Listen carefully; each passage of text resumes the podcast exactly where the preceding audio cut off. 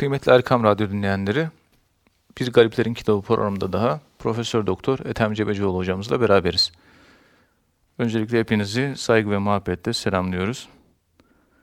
Ben hemen hocamıza dönmek istiyorum. Muhterem hocam, bir önceki programımızda e, Esad Efendi Hazretleri'nin mürşitle alakalı, bir mürşidi kamil aynı zamanda kendisi, irşat ve mürşitle alakalı kanaatlerinden bahsediyordunuz. Esad Efendi Hazretleri hocam şöyle diyor, isterseniz bu sözü e, açarak e, e, programımıza başlayabiliriz. Evet. Fakir kardeşiniz de nefsimden korkuyorum diyor. Nefsimi asla temize çıkarmam diyorum. Hele o ele öpülmek, dua talep edilmek, birçokları tarafından intisap edilmek ne kadar tehlikelidir. Bunlardan zerre kadar küçük parçasını kendime mal edersem helak olacağım şüphesizdir. Lakin hayatımın her bir nefesimin kendimin olmadığını, bütün söz ve davranışlarımın Allah'tan emanet olduğunu devamlı kendisine anlatmaktan gafil bulunmuyorum. Diyerek böyle tevazu dolu bir ifadesi var.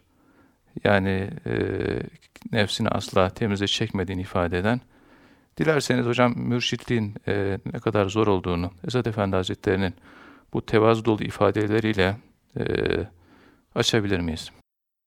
Euzu billahi mineşşeytanirracim. Bismillahirrahmanirrahim. Elhamdülillahi rabbil alamin. Ve salatu ve selamu ala Resulina Muhammedin ve ala alihi ve sahbihi ecmain. Esad Erbil Hazretleri rahmetullahi aleyh kendisi gerçekten çok mahviyet sahibi. Evet. Üzerinde işte 30 seneden beri çalışıyorum. Son olarak da çalıştığımda bu Esad Erbil Hazretleri'nin mektubatını çalışırken tabii çok ağır ifadeler var. Evet. Allah razı olsun.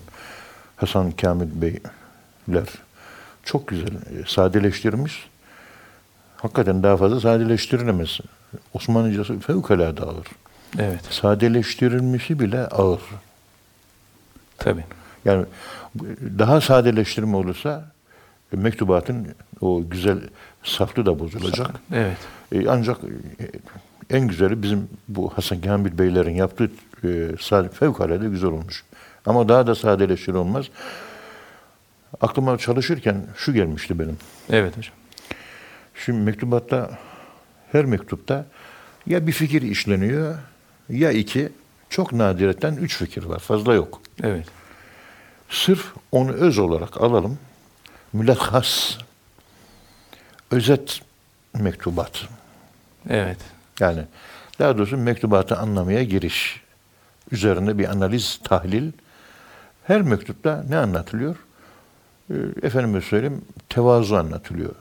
Burada tevazuyu sizin söylediğinizde nefsimden korkuyorum. Ee, yani sonum ne olacak? Ee, Ben de belirsizim. Son nefeste iyi mi? Evet. Bir tarif çıkıyor. Yani bir fena fillah makamında olan birisi bile olsa Tabii, tabii. yani yine bir e, şey var değil mi? Bu ümmetin en büyüğü Hazreti Ebu Bekir radıyallahu anh idi. O dahi son nefesinde kesin iman garantisi yoktu. Peygamber değildi çünkü. Evet. İkincisi ve ma überru nefsi. Nefsimi de temiz çıkaramam diyorum diyor. İkincisi buymuş. Evet. Mahviyet. Yani kendini nasıl bir insan böyle Allah'ın önünde zelil hisseder. Onun psikolojik background'u, arka planı var burada. Evet. Ondan sonra el öptürmek, eli öpülmek. Yani ona bile layık değilim. Evet. Mahviyetin bir şeyi. El öptürmek belki bir yerde varlık manasına da geliyor. Onu anlatmak istiyor. Evet. Üç etti. Dördüncüsü beni iyi bir insan zannediyorlar. Geliyorlar efendim bana dua eder misiniz diyor. Dua istiyorlar benden. Ben dua talep edilmek durumunda da değilim diyor. Mahviyetin ölçülerini veriyor. Evet. Başka birçokları tarafından intisap edilmek ne kadar tehlikeli. Yani bir şeyhlik yapmak, bir halifelik yapmak, bir görevli olmak. Yani çok zor bir şey. Ya, Yükün altına girmek oluyor. Öyle. Yani biz büyüklerimizi biliyoruz. Öyle büyüklerimizin hiçbir bu vazifeye e, böyle göğüslerini gere gere girmediler. Çekini çekine girdiler. Evet. Göğsünü gere gere böyle pervasızca dalan insanlar gördük biz maalesef.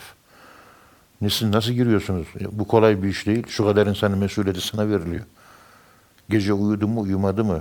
Hasta mı değil mi? Başı ağrıyor mu ağrımıyor. Tabi oraya varana kadar ilgilenmek lazım. Ve bu da çok zorlu bir iş. Böyle intisap edilmek, böyle çok önemli bir bir olay. Ben e, buna bile layık değilim. Yedinci, böyle Allah önünde kendini zelil hissetmenin fena makamının. Halbuki kendisi dönemin en Tabii. önemli mürşidi kamili yani. Değil mi? Ona rağmen yine de Ve mürşidi kamil olmasına rağmen bütün bunları kendime mal edersem ben el öpülecek bir zatım. Ben son nefeste garantim var. Ben artık temiz bir nefis oldum. Ben günah işlemem. Bak görüyorsun ne kadar etrafında mürit ve toplananlar var. Ne kadar dinleyicilerim var. Bunlar hep kibirdir. Dolayısıyla kibiri de anlatmış oluyor. evet. Hem zelil olmayı, aşağı gönüllü olmayı hem de kibir panoraması çiziyor. Bizlere anlatıyor. Böyle olmayın diyor. Evet. Ama kendini öne sürüyor. Bunu Esad Elbi Hazretleri'nin mektubatında her tarafında var. Evet. Fakir herhangi bir yerde konuşma yaptığımız zaman mesela pazar günü Mülkiyeliler Derneği'nde konuşma yaptım. Konuştuk. İşte sen de vardın benim Evet. yanımda. Evet beraberdik. Vahiyçiyim. Konuşmanın sonunda şöyle söyledim. Bu konuştuklarım her ne konuştuysam ben kendime konuştum. Evet. Siz bu konuştuğum konularda güzel insanlarsınız. Hepsini, hepinizi ehli cennet görüyorum. Ama ben kendimin şu anda okuma yapıyorum. Kendimi okumaya çalışıyorum. Yani yanlışlarım, noksanlarım, eksiklerim var. Dolayısıyla ben şu burada kendimi anlattım. Eğer siz de ben anlatırken kendinizi bulduysanız istifade etmiş olursunuz. Yoksa size ukalalık yapıp, terbiyesizlik yapıp ben daha iyi biliyorum ve size konuşuyorum. Bu konuşmamın bütününü bu konuşmamın sonunda bu şekilde algılamanızı ve bunun kabulünü istirham ediyorum dedim. Ve konuşmamı böyle bitirdim. Ya bu konuşmalarım buradaki yanlışlıklar, eksikler, noksanlıklar anlattım. Benimle alakalı, kendimle alakalı bu. Sizle alakalı değil. Ben kendime anlattım. O mektubat üzerinde çok çalıştığım için o ikincisinde kitabın Allah Susarı kitabının 8 numaralı e, serisinde Esad Erbil Hazretleri anlatırken mektubatla yaklaşık bir buçuk sene çok ciddi haşır neşir oldum. Yani bu şekilde özet çıkardım. Evet. Bir nevi mektubatın o yapmış olduğum ikinci cilt Esad Erbil Hazretleri'nin ikinci cilt çalışması ağırlıklı olarak mektubat mustalahatı, mektubat terminolojisi gibi bir şey oldu. Açarsanız görürsünüz. Evet. Evet. Özetin özeti. Fakat bütün mektuplar değil de yüzde seksenine el atmıştım. E, baktım yüzde sekseni yapmışım. Yüzde yirmi daha yapayım. Evet. Altlarında çok küçük okuyucuları sıkmayacak açıklamalar koyayım. Tabii. Efendim söyleyeyim mektubat analizi, e, mektubat-ı erbili analizi Evet. diye böyle bir analizle e, efendime söyleyeyim bir eser yayınlayayım ve mektubat e, anlaşılması biraz daha kolay hale gelsin. Ama tabii sadece fikirleri çıkarıyorsunuz. Evet. İçerisinden o ağır, üslup, edebi, anlaşılması zor, ruha hitap eden o güzellikleri bir kenara koymuş oluyoruz. Sadece bir mektupta güzel bir konu anlatılıyor. Nedir o? Onu anlatıyoruz. Ha, özü bu. Evet. Diğer ifadeler hep acziyet, mahviyet, böyle gönül alma, efendim söyleyeyim, insanları inşa etme. Hep onlardan genellikle mektubatın özelliği bu. Hep ümit dağıtıyor. Hiç korku dağıtmıyor Esad Erbil Hazretleri. Öyle bir mektubat-ı erbili analizi e, ne giriş gibi böyle bir e, kitabın şu anda hazırlığı içerisindeyim. İnşallah İnşallah Allah nasip ederse. E, o ayrı bir kitap olarak onu öyle düşünüyorum. Bir de bu Esad Elbi Hazretleri'nin iki cilt hayatı ve hatıralarını yayınladım. Üçüncü ciltte de bir ihtiyaç, şöyle bir ihtiyaç hasıl oldu. Evet. Baştan görmemiştim ben bunu. Fakir görmemiştim estağfurullah. Ben, Esta- ben estağfurullah. demek istemiyorum. Estağfurullah. Şimdi Esad Elbi Hazretleri'nin etrafında Yozgatlı Hacı Ahmet Efendi Hazretleri var. Evet. Bakıyorsunuz efendime söyleyeyim Bolulu Muhittin Efendi Hazretleri var. Bakıyorsunuz Maraşal Fevzi Çakmak var. Evet. Profesör Ferit Kam var. O devrin Darülfünun da işte İstanbul Üniversitesi'nde görevli dinler tarihi profesörü var. Mehmet Ali Ayni var. E, Mehmet Ali Ayni var. Efendime söyleyeyim bakıyorsunuz Mahmut Muhtar Paşa o zamanki sadrazam, başbakan artık neyse Osmanlı'nın son zamanlarında o var. Evet. Asım Paşa Hazretleri var. Ondan sonra bakıyorsunuz Sami Efendimiz var. Oğlu Mehmet Ali Efendi Hazretleri var. Abdurrahman Gürses Hoca Efendi var. Evet. Ondan sonra meşhur Hafız Sami. Evet. Onun üzerine bir daha hafız gelmiş değil. Yani o kadar bir güzel ses vermiş Allah ona. Yani plakları da var ama plakları sesini yansıtmıyor diye ısrarla söylüyor Ali Rıza Saman. Ee, etrafında e, ulemadan, Mevlüt Evet. Hanlardan, hafızlardan, İlahiyat Fakültesi Kelam Tefsir Fıkıh Hadis Kürsüsünden olanlardan, Evet. işte e, askeri cepheden, efendime söyleyeyim milletvekillerinden, e, ilim adamlarından, halktan, esnaftan o kadar değişik insanlar var ki bu etrafı kimlerden oluşuyordu acaba? Kişi aynı zamanda kişinin bir dervişin, bir şeyhin aynası müritleridir. Tabii tesir ettiği kesim. Tabii. Tesir ettiği kesim önemli. Bu üçüncü cilt olarak da yani Allah dostları cilt 8, 9. cilt olarak da e, bunu inşallah e, hazırlayacağım. E, İnşallah. onun da şu anda yüzde 40'ı bitmiş vaziyette. Ayrıca işte mülahhas, özet, daha sonra şiirlerinin tahliline. Evet. Bu Ali Rıza Saman'ın e, Mevlüt Nasıl Okunur ve Mevlüt Anlar diye bir kitabı var. 1951 senesinde basılmış. Evet. Kendisi bir müezzin falan, din adamı yani müezzin. İşte 40-45 yaşlarında 1951 senesinde yazdığı eserler diye kitabının sonuna koymuş. 1951'de bu. Evet. Bir müezzin veya bir imam Ali Rıza Saman. 40 yaşında, 45 yaşında yazdığı eser sayısı 25. Maşallah. Ben bir akademisyenim. Benim yazdığım eser 3'ü 5'i geçmiyor. Yani içimden tebrik edesim geldi. Yani bir bana göre profesör, bir müezzin değil o. Yani o devrin insanları da öyle. Dergahın çevresindeki insanlardan bir kısmı da işte o gibi zatlar Allah razı olsun. Yani bunların hep böyle geniş geniş yazılması lazım. Ee, Esad Elbi Hazretlerini Yani biraz daha evet, popüler hale getirmek, tanıtmak, o ağır şiirlerini halka yansıtmak, Evet. o ağır dilli mektubatını böyle anlaşıla şey olarak içindeki anlaşılan fikirleri anlatmak, özetlenmek, sadeleştirme yapılmıştır. Hasan Kamil. Tasavvufi mesajlar. Çok güzel, çok Tas- güzel yazılmıştır. Tabii. Her mektubun içindeki mesajı çıkaracağız. Evet. Zaten, Zaten yüzde seksenini ben çıkarmış ve fakir estağfurullah çıkarmış vaziyetteyim. Yüzde seksenin, yüzde yetmişini rahat rahat çıkarttığımı söyleyebilirim. Geri yüzde otuzluk bir çalışma yapılacak. Başına da ufak bir hayatını koyarız. Ondan sonra onu da ayrı bir kitap olarak yayınlamayı düşünüyorum inşallah. Allah nasip ederse. Aslında aynı şey İhya Ulumuddin için, Erzurum İbrahim Hakkı Hazretleri'nin evet. marifetnamesi için yani bunların da yapılması gerekiyor. Onların da yapılması lazım. Yani ha- halkın daha rahat, zor. daha rahat okuyabilmesi. Halka indirmek, Tabii. ona Batılılar leymen diyorlar. Evet.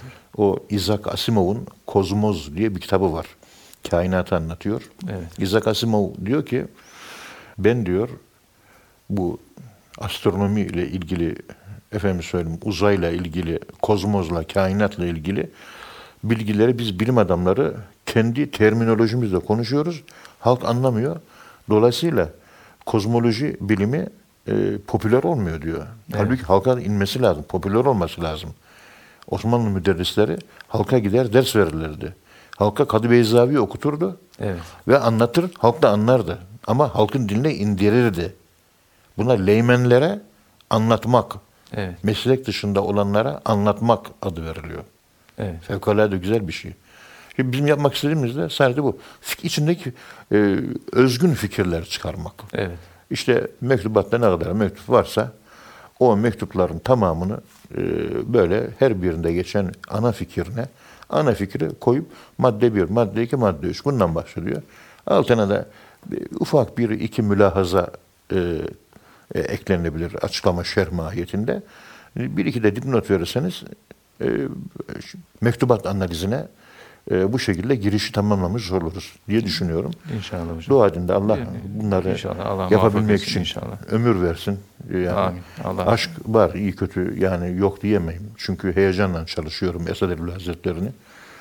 İnşallah e, aktar aleme e, bu mazlum şehidin bu fikirlerini yaymamız lazım ve Allah huzurunda ak alınla çıkabilmek ve yapmış olduğumuz mesleğin hakkının ve hesabının e, ödenebilmesi ve yerine getirebilmesi açısından büyük önem arz ettiğini düşünüyorum. İnşallah. Hocam eğer yine bu mahviyet ve tevazudan devam edersek burayı e, dilerseniz tamamlayalım. Fakat diyor her bir nefesimin kendimin olmadığını, bütün söz ve davranışlarımın Allah'tan emanet olduğunu devamlı kendisini anlatmaktan gafil bulunmuyorum. Yani her nefeste bu Cenab-ı Hakk'ı e, idrak ve şuur içerisinde olduğunu ifade ediyor aynı zamanda. E, Esad Efendi Hazretleri yani mahviyetle beraber Evet. yani hiçbir şeyi diyor kendime mal etmiyorum. Bunlardan zerre kadar küçük parçasını kendime mal edersem helak olacağım şüphesizdir diyor. Ve her nefesimin kendimin olmadığının idrak ve şuur içerisindeyim diyor. Yani bu bu her nefeste Cenab-ı Hakk'ın e, işte idraki ve onun şuur içerisinde olduğunu ifade ediyor. Dilerseniz buradan da birkaç şey ifade edebilirseniz program birinci bölümünü tamamlayabiliriz inşallah. Tabii her nefes bize emanettir. Evet. Yani soluk almak bir şükür gerektirir diyor o büyük zatlardan birisi. Soluk vermek de biliyorsunuz bir şükürdür. Bir insan işte bundan şükür gerektiriyor. Çok önemli bir şey. Son nefeste bir insan vefat ederken soluk verir mi? Nefes son nefeste soluk alır mı? Hangisi olur? Verir değil mi? Heh. Kime sorduysam son nefeste kişi son nefesini verir diyorlar. Evet. Hayır. Ruh tam çıktığı anda olay oluyor. Şöyle bakın. Soluk alınıyor. Son nefes verilmez, son nefes alınır. Niye? Çünkü biz ölmüyoruz ki. Evet. Bir evden diğer bire intikal ediyoruz. Yentakilûne min darin ila darin. Bir evden bir eve taşınıyoruz. Evet hocam. Peygamberimiz hadis-i şerifte bir yolcu gibiyiz diyor. Şey, kün keabiri sebilin bir yolda giden bir yolcu gibi ol. Bir gölgele oturdun, yattın, istirahat ettin, ondan sonra devam ediyorsun. Yani öldükten sonra biz yok mu oluyoruz? Yok olmuyoruz Kabir hesabı var, mahşer yeri var, sırat var, mizan var, cennet var, cehennem var, halidine fiha ebeda var, sonsuzluk var. Zaman olmayan, mekan olan bir varlık seferinde hayat bizi bekliyor. Zaman yok cennet cehennemde. ثُمَّ لَا يَمُوتُ ف۪يهَا وَلَا يَحْيَا Ahirette cennet ve cehennemde öldükten sonra zaman yok. Zamansızlıkta yaşayacağız. Ama mekan var. Ebedi yani. Evet. Halidine fiha ebeda. Zero point. Sıfır noktasında yaşayacağız. Evet. Yani yaşayacağız yani. Ölümü olmayan bir dirilik. Hatta cehennemde azap çekilecek de o azapla ölmemiz gerekecek de canımı al diyecek Allah'a ama orada ölmek ve dirilmek yok. Hep dirilik var. Ölemeyeceğiz. Evet. Ya. Şimdi buradan hareket ettiğimiz zaman Esad Erbil Hazretleri ben hiçbir nefes benim elimde değil. Bana ait değil. Ve aynı zamanda nefesim, soluğum işte bana emanet. Soluğun bana emanet olması demek, soluk almak hayat demek. Hayata sahip olmak demek. Hayata hakim olmak demek, hayatı okumak demek. Hayatı okuyamazsanız altında ezilirsiniz. Hayatı okursanız yani hayatın hakkını verir, hayatı anlayabilir, hayatı çözümleyebilir, hayatı analizleyebilirseniz onun üzerine sörf yaparsınız. Evet. Olay bundan ibarettir. Siz dolayısıyla aldığınız nefesin hoşlerden her an aklın başında olacak. Evet. Her an uyanık olacaksın. Zikri daimi. Ve bir tane an var. Öyle zaman diye bir şey de yok. Evet. Zaman şuuri bir şey. O mesela zaman uzayda bükülür ve böyle bir e, kara delik oluşur zaman bükülünce ve kozmozda solucan deliği açılır. Evet. Çok kısa zamanda uzayda büyük mesafeler alınır. İşte zaman şuuri ise zamanın bükülümü ruh üzerinden olur. Çünkü ruh zamanlı değildir. Evet. Ruh zamansızdır. Bu tayı zaman, tayı mekan olayları anlatılırken o mekanın kainatta space, time matriksi içerisinde yani uzam yani madde zaman matriksi içerisinde yayılıyor. Evet. Önce zaman oluşuyor, onun için de madde oluşuyor. Peki zaman yırtıldığı zaman kara delikte olduğu gibi ne oluyor? Madde donup kalıyor. Madde donuyor evet. Kara delik. Bizde de var kalbimizde. Zikir çektiğimiz zaman Allah diye o matrix bizde de var. Yani zamanın kırıldığı yer bizde kalptir. Kur'an oraya inmiştir. Zikir oraya vurulur. Evet. Onun için zikir lazım. Yani zamansızlığı yaşıyorsunuz siz zikir çekmek suretiyle. Zamansızlığı yaşamak demek ölümü yaşamak demek.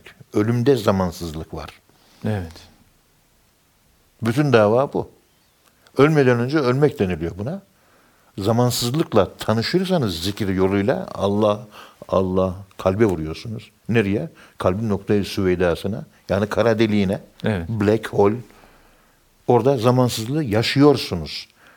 Çünkü tarif edilemez ancak yaşanılır. Niye? Çünkü akıl ötesidir. Akıl ötesi şeyler akıl sınırları içerisinde anlatılamaz. Kalple ancak hissedilebilir. Olay bundan ibarettir. İşte burada her an bana emanet. Hayatımın her bir nefesimin kendimin olmadığını biliyorum. Bunu Allah bana lütfetti ve bana emanet verdi. O zaman bu nefesi Allah yolunda, Allah'ın rızasına uygun bir şekilde kullanmak zorundayım. Zaman bana hakim olmamalı, ben zamana hakim olmalıyım. Ben zamanı kuşanmalıyım. Evet. Müftüoğlu'nun dediği gibi. Ben zamanı kuşanabilmeyim. Kuşana, e, Atasoy Müftüoğlu'nun dediği gibi. Ben zamanı kullanabilmeliyim. Evet. Çünkü el vaktu kesseyfi fe innem takta'hu fe innehu yakta'ke. Zaman kılıca benzer. Sen onu kesmezsen o seni keser. O kadar hassas bir şey. Evet. Ben anımın farkındayım diyor. Bütün kainat ilk yaratıldığından son yaratıldığına, son ölene kadar kainat bütün zaman dilimleri işte kainat şu anda 13,7 milyar yaşında olduğunu modern bilim bulmuştur. Evet. Ve 13,7 milyar bizim kozmik olarak söylediğimiz güneş merkezli takvime göre 13,7. Allah'ın katında anı vahittir. Çünkü Allah'ın katında zaman yoktur. Evet. O anın tekrarına bir zaman diyoruz. Onun için hareketin sayısına zaman demiştir İslam filozofları. Evet. Bazı mutasavvıflar. O bir an tekrarlandığı zaman zaman meydana geliyor. Tekrarlanmazsa, donarsa zaman yok oluyor. Evet. İşte burada nefsine, kendine hakim ve nefesinin Allah'tan emanet olduğunu biliyor. Ve benim değil, ben bende değilim, ben bana ait değilim. Bana verilenler benden değil. Ne görüyorsanız hepsi Allah'tandır. Bu şekilde e, bir tevazu ve mahviyetin sınırlarını zorlamıştır Esad Erbil Hazretleri Evet. rahmetullahi aleyhi. Yani her nefeste Allah'la beraber e, bir an bile Allah'tan gafil olmadığını ifade ediyor. E, Muhterem hocam, bu Tevfik Çavuş'la alakalı e, kısa bir e, hatıradan bahsediliyor Efendi Evet. Hazretleri'nin hayatında, Evet. bu Kelami dergahında. Kısaca bundan bahsedebilir misiniz? Euzu billahi mineşşeytanirracim.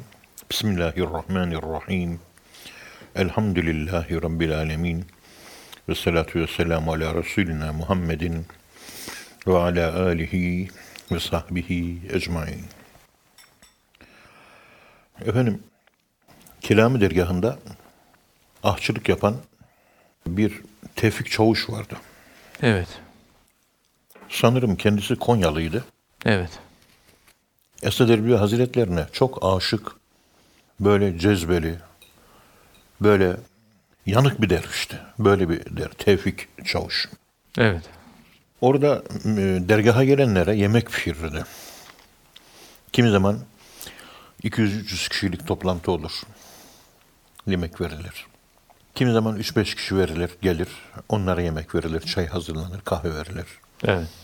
Orada kelamı dergahı inşallah yeniden inşa edilirse İnşallah. Allah razı olsun öyle bir proje e, gördük. Çok çok sevindik.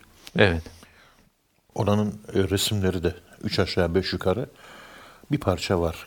Giriş kapısı, bahçesi. Bir de Karlvet anlatmış iki katlıydı diyor.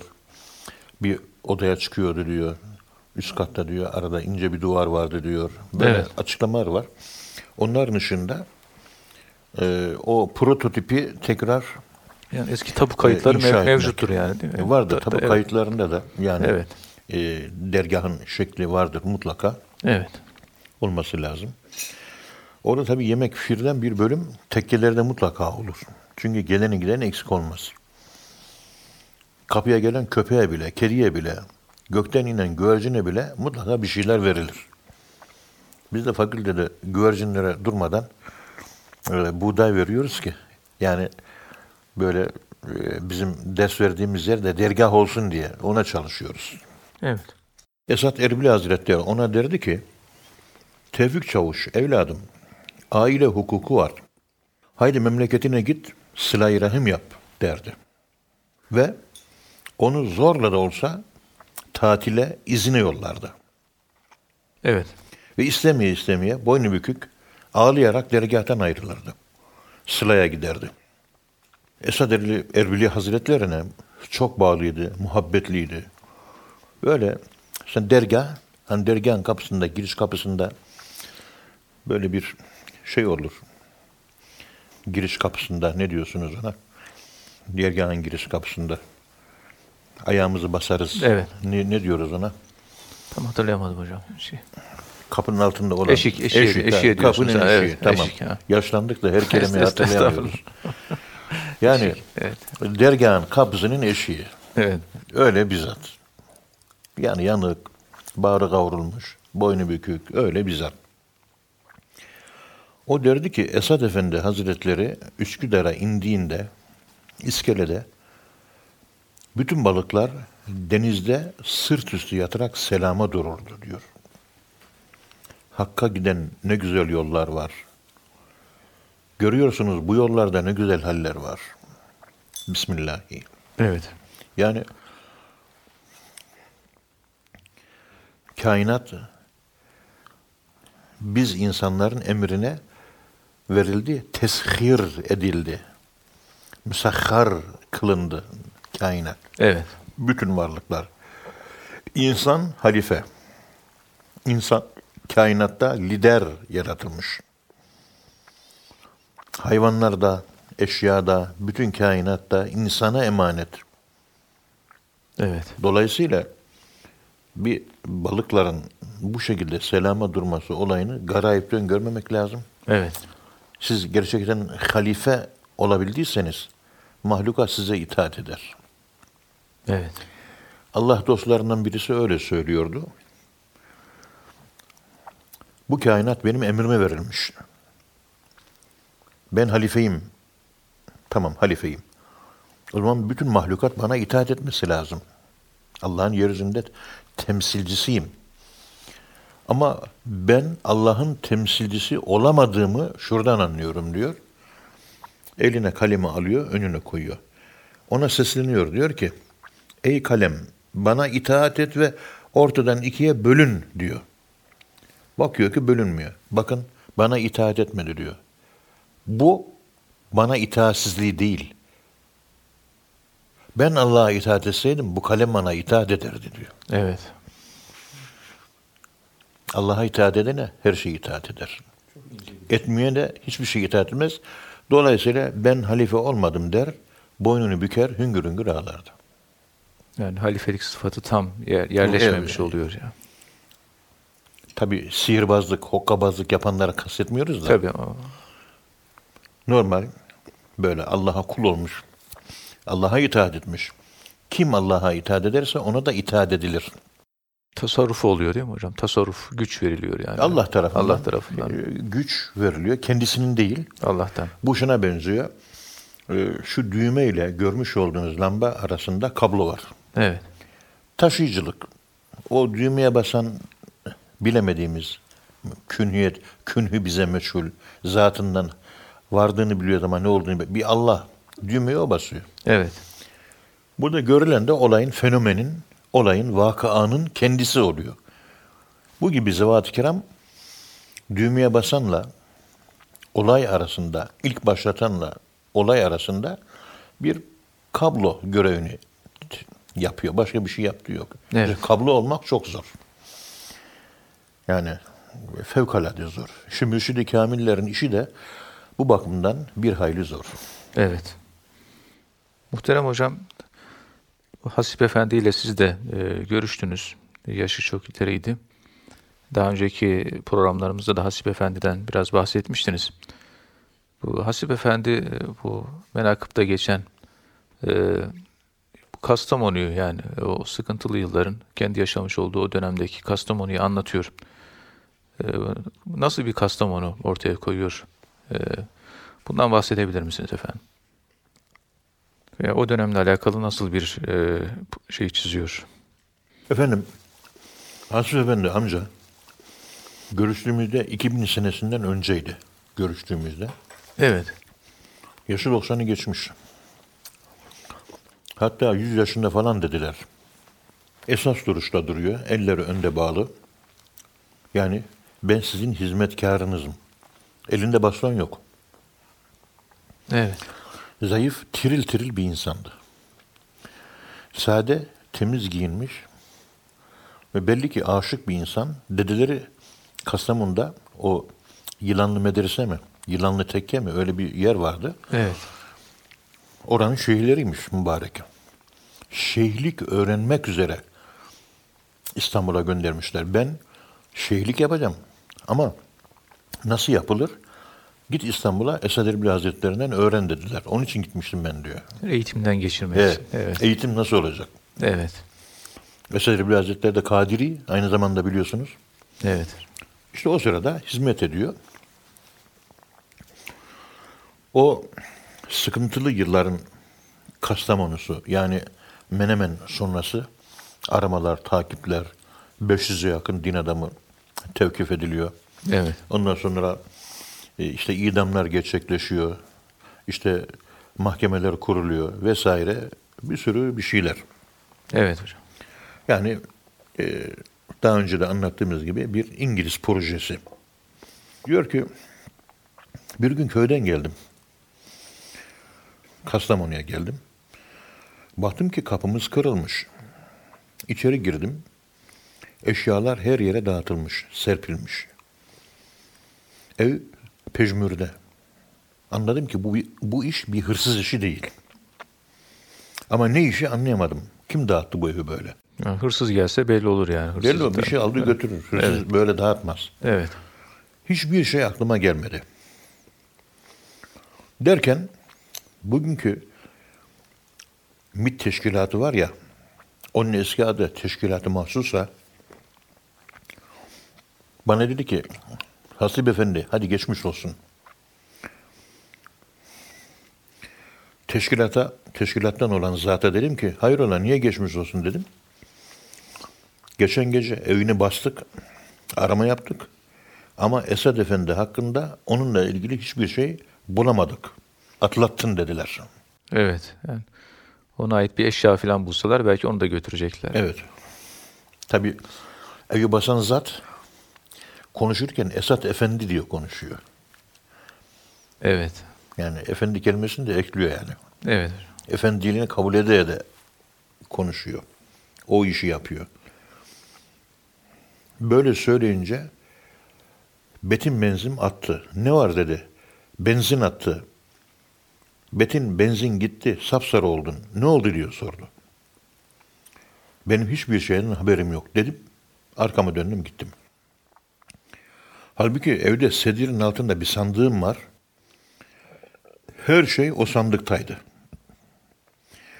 Allah'tan oraya bakmak akıllarına gelmemiş. Pir Efendimizin mektubatı orada.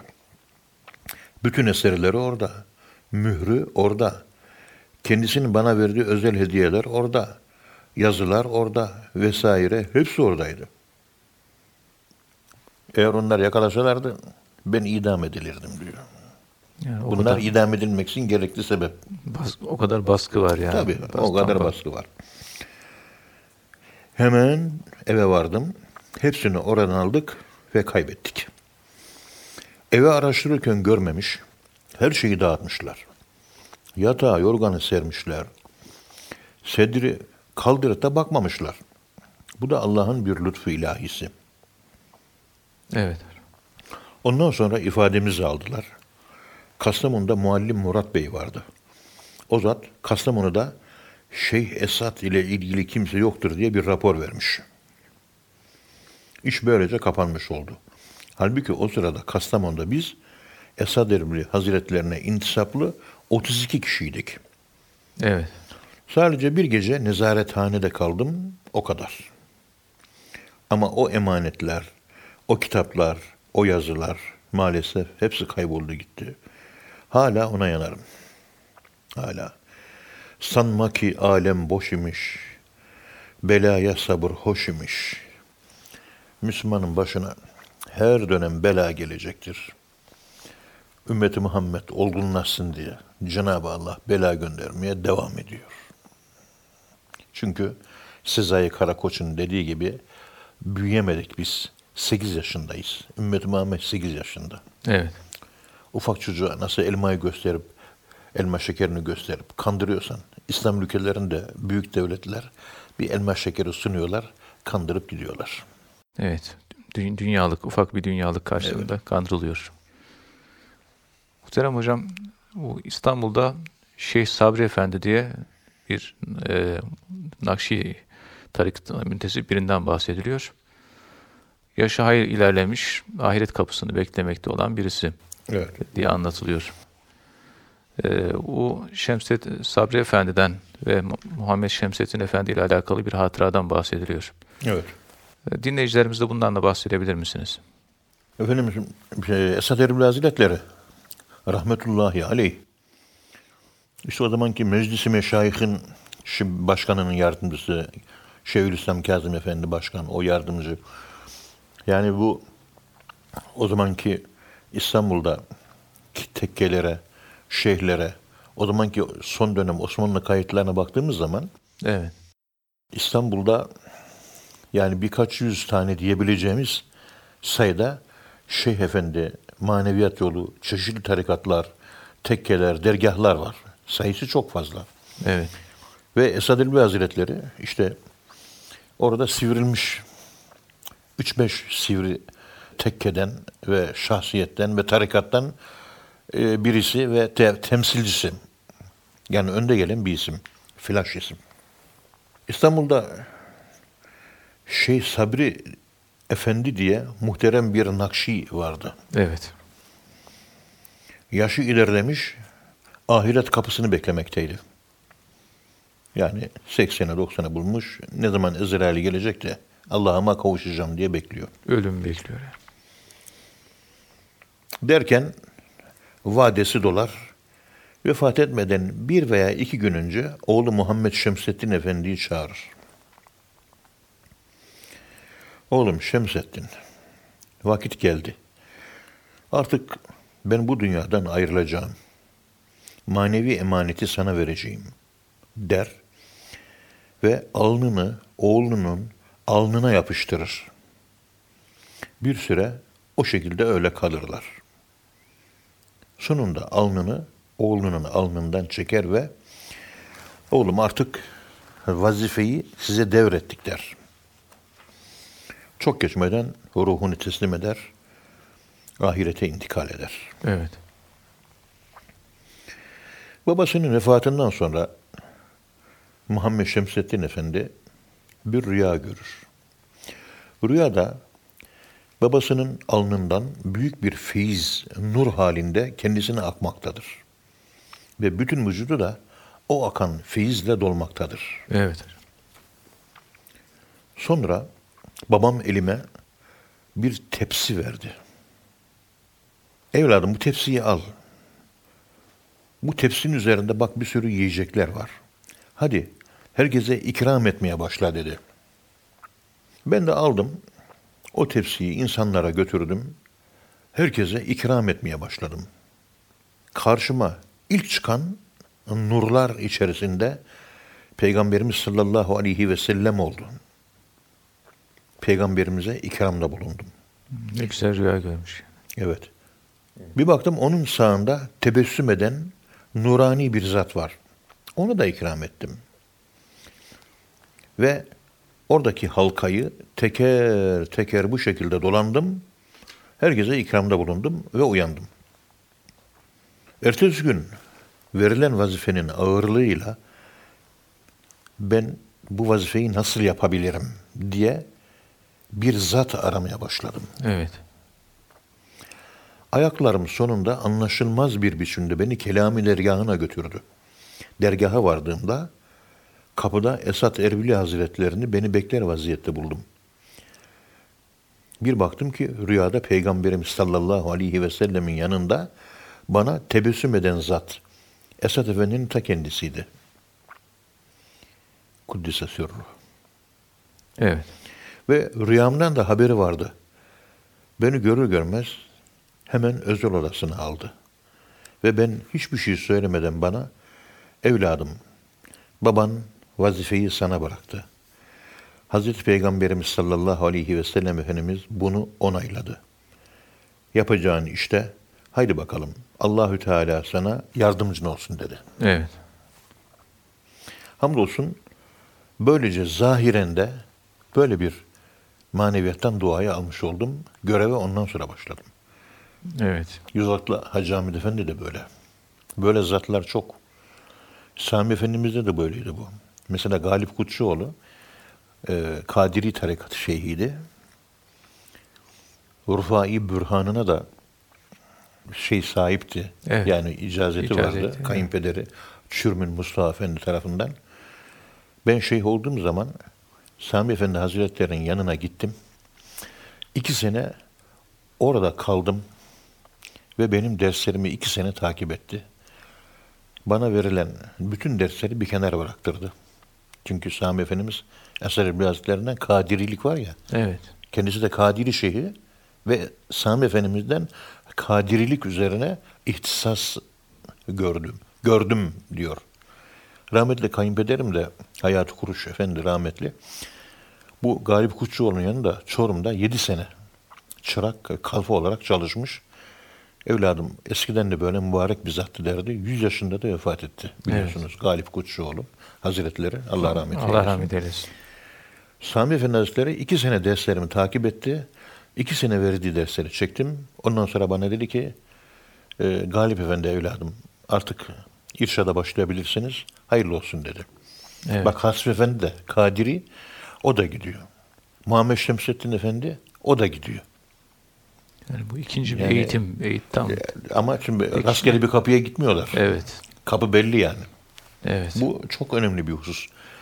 Bunu e, buradaki incelik ve nitelik e, ben bunu e, anlatmaktan şu anda acizim. Çünkü maneviyatla ilgili konuşma yapmamız lazım. Onun kühnüne benim aklım ermiyor. Burada acizimi idrak etmek durumundayım. Estağfurullah. Teşekkür ederim. Hocam biz de teşekkür ediyoruz. Aa, Ağzınıza sağlık. Allah razı olsun. Ee, kıymetli dinleyenler, e, bir programın daha sonuna geldik. Efendim bir sonraki programda tekrar buluşmak ümidiyle hepinize Allah'a emanet ediyoruz. Hoşçakalın efendim.